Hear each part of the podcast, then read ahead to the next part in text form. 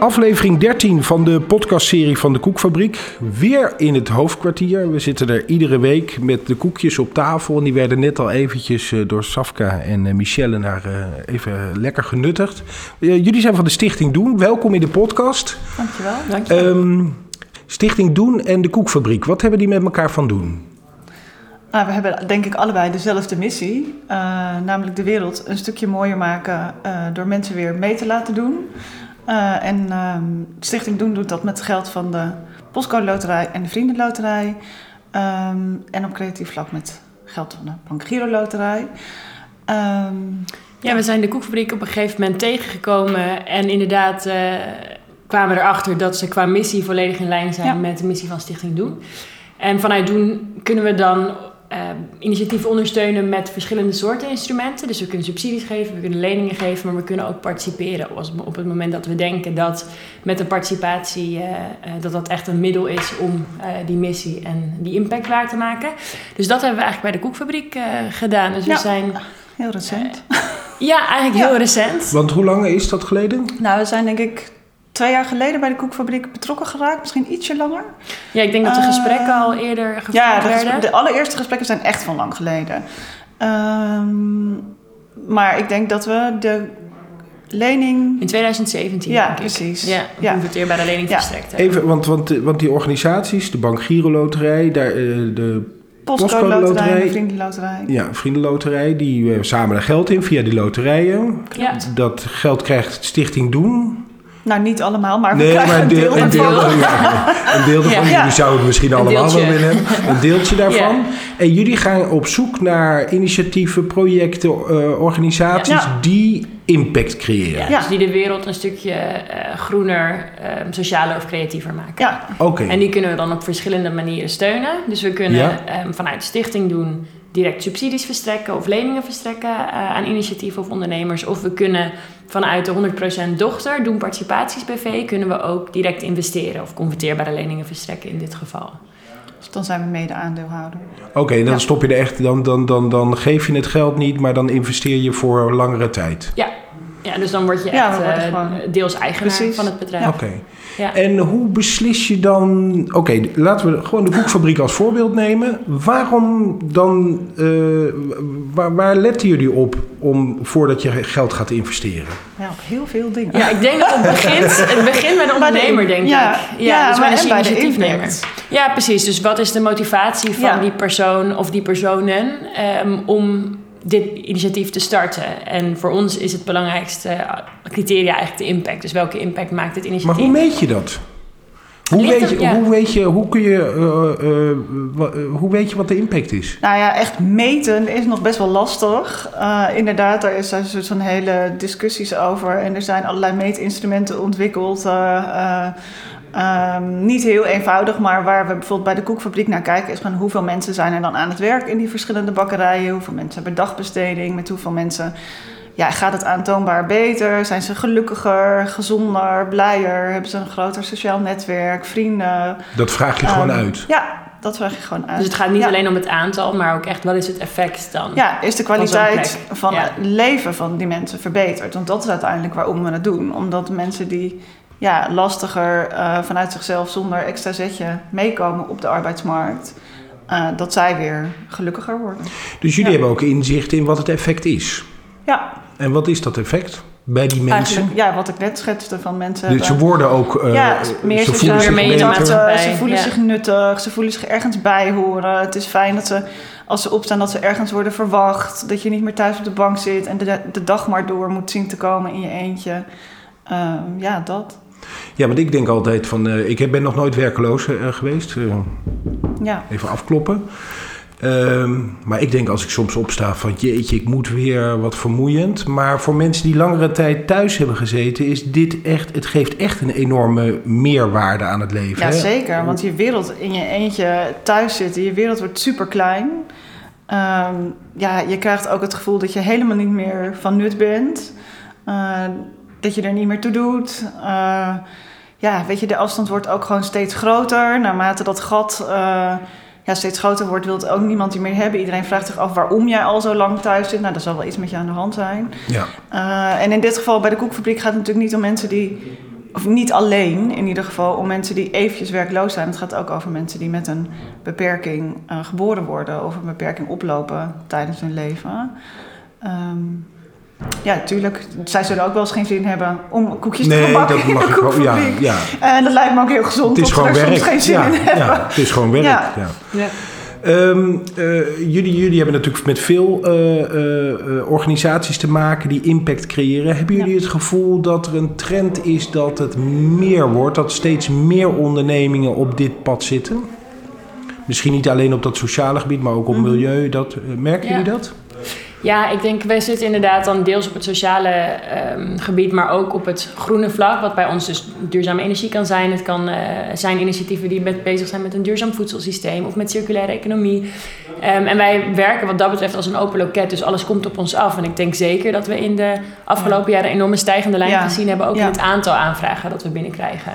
En het wordt ook denk ik normaler voor, uh, wat we ook wel zien, zeg maar, is vooral bij jonge ondernemers, dat het ja, normaler wordt om uh, ja, groen en sociaal. Dus als je een onderneming start, dat in ieder geval om dat ook... te verwerken in je onderneming. Dat het is gewoon er wordt meer over nagedacht. Ja, dat denk ik wel. Het is normaler. een integraal onderdeel van die onderneming. Terwijl, um, ja, weet je, het is heel lang natuurlijk een soort van iets aparts geweest.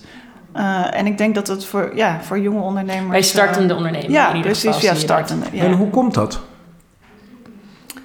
Ja, ik denk dat er eigenlijk, nou, met name dat de urgentie gewoon steeds duidelijker wordt. Van er moet iets gebeuren, we moeten um, bepaalde transities versnellen. We moeten, duurzaam ondernemen moet gewoon de norm worden op een gegeven moment als we met z'n allen verder willen en in deze inclusief. wereld. En inclusief, inclusief ondernemen. ondernemen. Dus dat betekent dat er voor iedereen uh, een werkplek is. Niet alleen voor de mensen die zelf helemaal 100% uit zichzelf een uh, arbeidsplek kunnen vinden. En inclusief is dan wat je bedoelt met, met dat je de ruimte geeft van, voor mensen die uh, daar, daar hulp bij nodig ja. hebben. Van wie, voor wie het niet vanzelfsprekend ja, is. Van wie, ja, Um, kunnen allerlei mensen zijn. Hè? Ex-gedetineerden, mensen met een vluchtelingenachtergrond, uh, mensen met verstandelijke beperking, mensen met psychiatrische problemen. Uh, ja, ja, daar, had, ja, daar ja. hadden we bij Open Hiring hebben we een aantal ja. podcasts geleden over gesproken. Leuk. Daarin staat dat ook centraal. Hè? Van je vraagt niet. Nee, je, je, komt gewoon, je stelt minimale eisen. Bij de koekfabriek was dat geloof ik vier uur staan en 10 kilo kunnen tillen.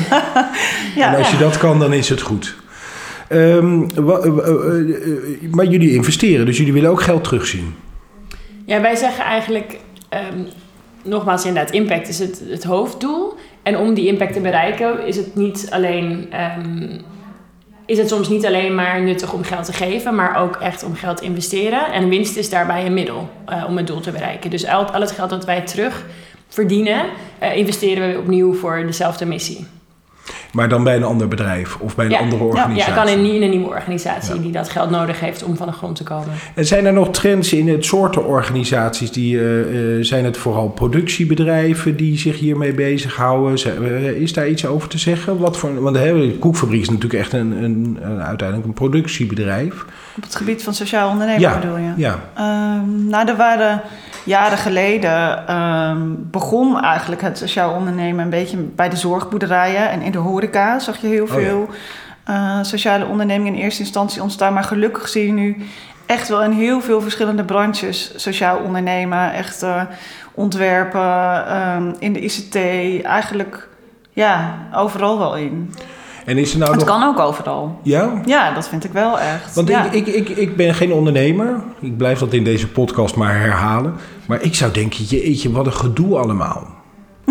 ja, nou ja, het is natuurlijk ook... Uh, soms is het ook wel, ja, gedoe. Ik weet niet of gedoe het goede woord is. Maar nee, het is... maar dat is even mijn eigen gedachte. Hè. Zoals Ja, maar ja. Het, het kost wel extra inspanning. Ja, klopt. Ja, En Ja. is dat, is dat ehm, eh, merken jullie, want jullie hebben natuurlijk heel veel contacten. Mhm. Merken jullie, waar, waar, is dat een lastige drempel of, of komen de meesten daar toch uiteindelijk wel uit? Ja, de meeste komen, komen er wel uit, maar het is wel iets wat eigenlijk een soort van permanente worsteling is Mhm. bij veel En eh, wat is die worsteling dan? Nou, kijk, je, eh, je, je moet mensen begeleiden die, ehm, ja, gewoon daar, die veel begeleiding nodig hebben. Je hebt een onderneming te runnen en je hebt eh, heel vaak ook gewoon echt nog een soort van hele papierwinkel erbij.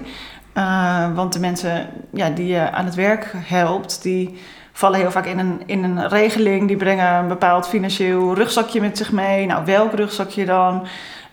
iedere gemeente heeft er ook weer ander beleid op. nou ja, weet je, er zijn sociale ondernemingen die met 50 gemeenten zaken doen. Nou, die hebben dan soms 50 verschillende contracten. Ja, dat is echt niet grappig. Nee. Uh, dus dat is inderdaad nog een soort van hele onderneming daarnaast. Dus in die zin uh, ja, is het soms ook wel gedoe. En is dat niet een te grote drempel? Dat, het, dat, het, dat, dat mensen ook zeggen van ja, weet je, ik, ik haak hierop af? Nou, het is volgens mij nooit een. Ik denk niet dat het heel vaak een te grote drempel is. Want mensen beginnen dit altijd wel echt heel erg vanuit een enorme motivatie en drive. En uh, ja, slaan zich ook wel gewoon door deze bureaucratie heen. Maar het is wel iets wat ze heel veel energie uh, kost soms. Dat zien we dan wel. Na, na verloop van tijd dat, ja, dat, dat, dat dat wel gewoon lastig is. En daarom uh, kijken we ook altijd, weet je, bij wanneer we gaan investeren, van wie zit er daar dan? En zit daar een goede combinatie um, aan mensen of in het team van mensen die dat kunnen, die zich dus echt storten op nou ja, de financiën, op de bureaucratie, op uh, alle regelingen. En een ondernemer. Uh, ja, die gewoon de sales doet. En, uh, die de onderneming doet. Ja, ja, die gewoon de echte dus ondernemer dat, is. Ja, dat is eigenlijk de ideale combinatie. En is dat, uh, uh, wat voor types zijn het dan, de, die ondernemers? Dat zijn, zijn dat, uh, ik bedoel, de, de, ik denk altijd, ik heb een heel klassiek, ik begin langzamerhand te realiseren dat ik echt een bizar klassiek beeld heb van ondernemers die alleen maar op dat geld uit zijn. Maar is, zou ieder ondernemer dit kunnen, dat sociale ondernemen? Nou, ik denk zeker het, uh, het sociale ondernemen. Niet per se juist om wat uh, Safka net beschreef, dat er gewoon een hele hoop bij komt kijken waar je uh, en goede mensen voor moet hebben. en je moet ook wel ergens een soort intrinsieke motivatie hebben om met die doelgroepen te werken. Ik denk ja. zeker voor het sociale, voor de sociale ondernemingen die we financieren. Dat dat intrinsieke erin moet zitten, dat het anders ja. erg lastig wordt. En bij, bij de andere doelstellingen, dus bij bijvoorbeeld impact op het milieu, is dat minder? Ja, ik denk dat daar ook een uh, bepaalde intrinsieke motivatie bij komt kijken. Maar je werkt dan um, niet met een doelgroep van mensen die extra aandacht behoeft. Dus dat is denk ik wel een groot verschil. Is makkelijker. Niet per se makkelijker, maar anders. Ja. Nou, ik denk dat de betrokkenheid vanuit. Uh, of je eigenlijk bij de mensen vanuit sociaal ondernemen, dat dat best wel wat vergt van die ondernemers. Want ja, mensen die, die in een sociale onderneming aan het werk zijn, die ja, die hebben vaak niet alleen een afstand tot de arbeidsmarkt, maar ook nog uh, op allerlei andere uh, levensvlakken problemen of uitdagingen. Nou ja, goed, dat is best pittig als je daar dag in dag uit mee uh, geconfronteerd wordt. En deze mensen doen het. Ja, die ondernemers die beginnen dit omdat ze deze mensen willen helpen, gelukkiger ja. willen maken. En dat is niet alleen op het gebied van werken. Dan gaat het ook soms over schulden, over uh, relatieproblemen, over uh, dingen in het gezin, over van alles en nog wat. Nou ja, dat vraagt wel veel van zo'n sociaal ondernemer. Dus ik denk niet dat iedereen het kan, maar ik denk wel dat heel veel ondernemingen die nu geen sociale onderneming zijn, het wel iets kunnen. kunnen. met deze mensen. Ja. Daar geloof ik wel ja. echt in. En helpen jullie als stichting doen ook daarbij, dus ook bij die randzaken? bij ondernemers? Of zijn jullie echt puur op het, op het, op het financiële uh, vlak ondersteunend?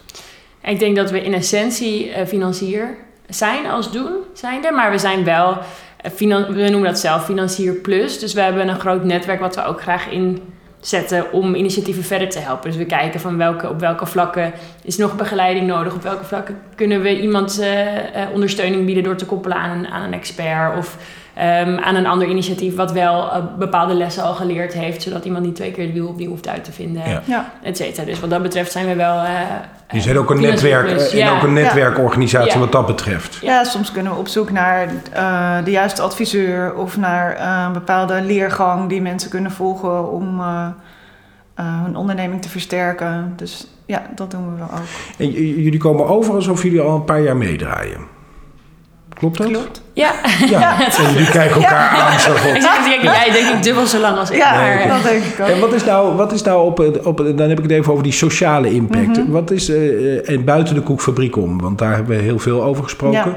Maar wat is voor jullie nou in de afgelopen jaren echt een project geweest waarbij je dacht van nou, dat vind ik nou echt een voorbeeld waarvan je zegt, nou daar is echt zoveel sociale impact gecreëerd. Oh, dat vind ik altijd zo lastig om er dan één uit te pikken, want er zijn er zoveel. Eén die echt. Ja, die echt, ja, maar eigenlijk hebben we een soort van collectie aan parels. Hoeveel? Ja, en het is natuurlijk ook mooi als je op- in sommige initiatieven die we ondersteunen, dat je ziet dat het allebei is. Dus dat je en die sociale impact ziet en ehm, dat er op een bepaalde manier, op, op duurzame manier, eh, een onderneming gerund wordt.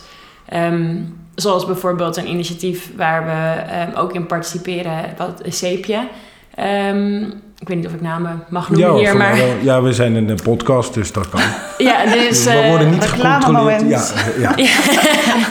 ja, precies. Nee, maar de- zij zijn begonnen als een duurzame onderneming om. ehm, en eigenlijk zoals alle duurzame ondernemingen die we financieren, om tegen een bepaalde gevestigde orde aan te trappen en te laten zien dat het ook anders En kan. wat doen zij? En zij eh, brengen duurzaam ehm, wasmiddel, eh, afwasmiddel, eh, allesreiniger in de schappen.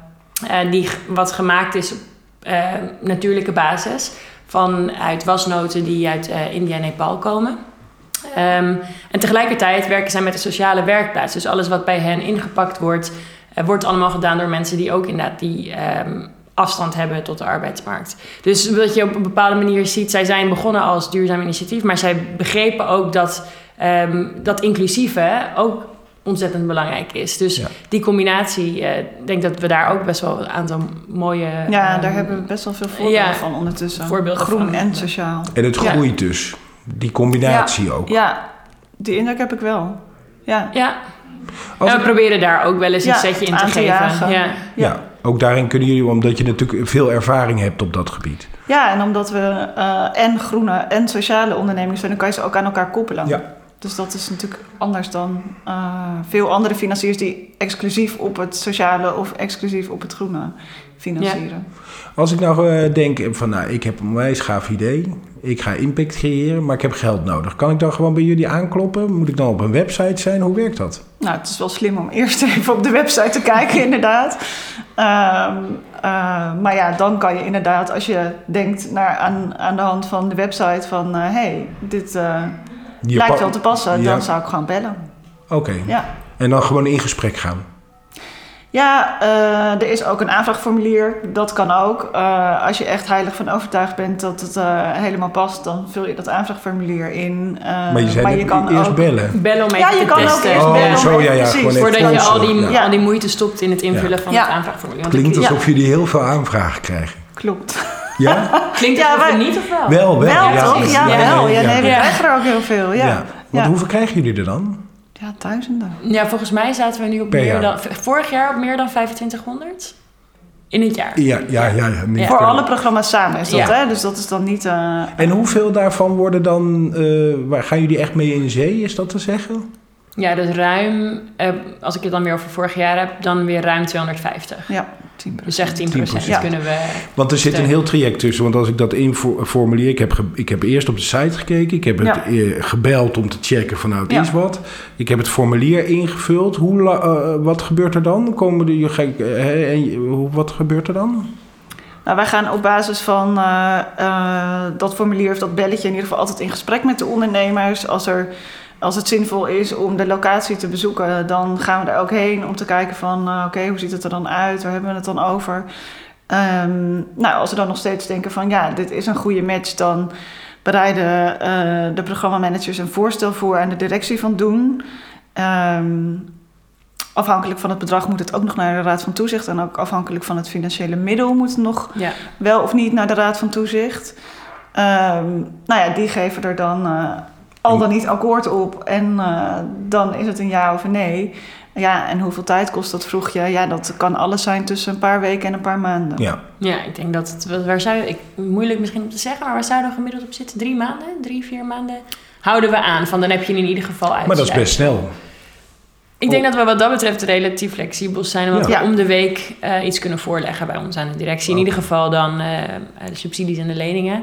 En inderdaad, als het om Ja, de- investering gaat... ja. Dan zijn er iets minder eh, beslissingsmomenten. Ehm, Ja.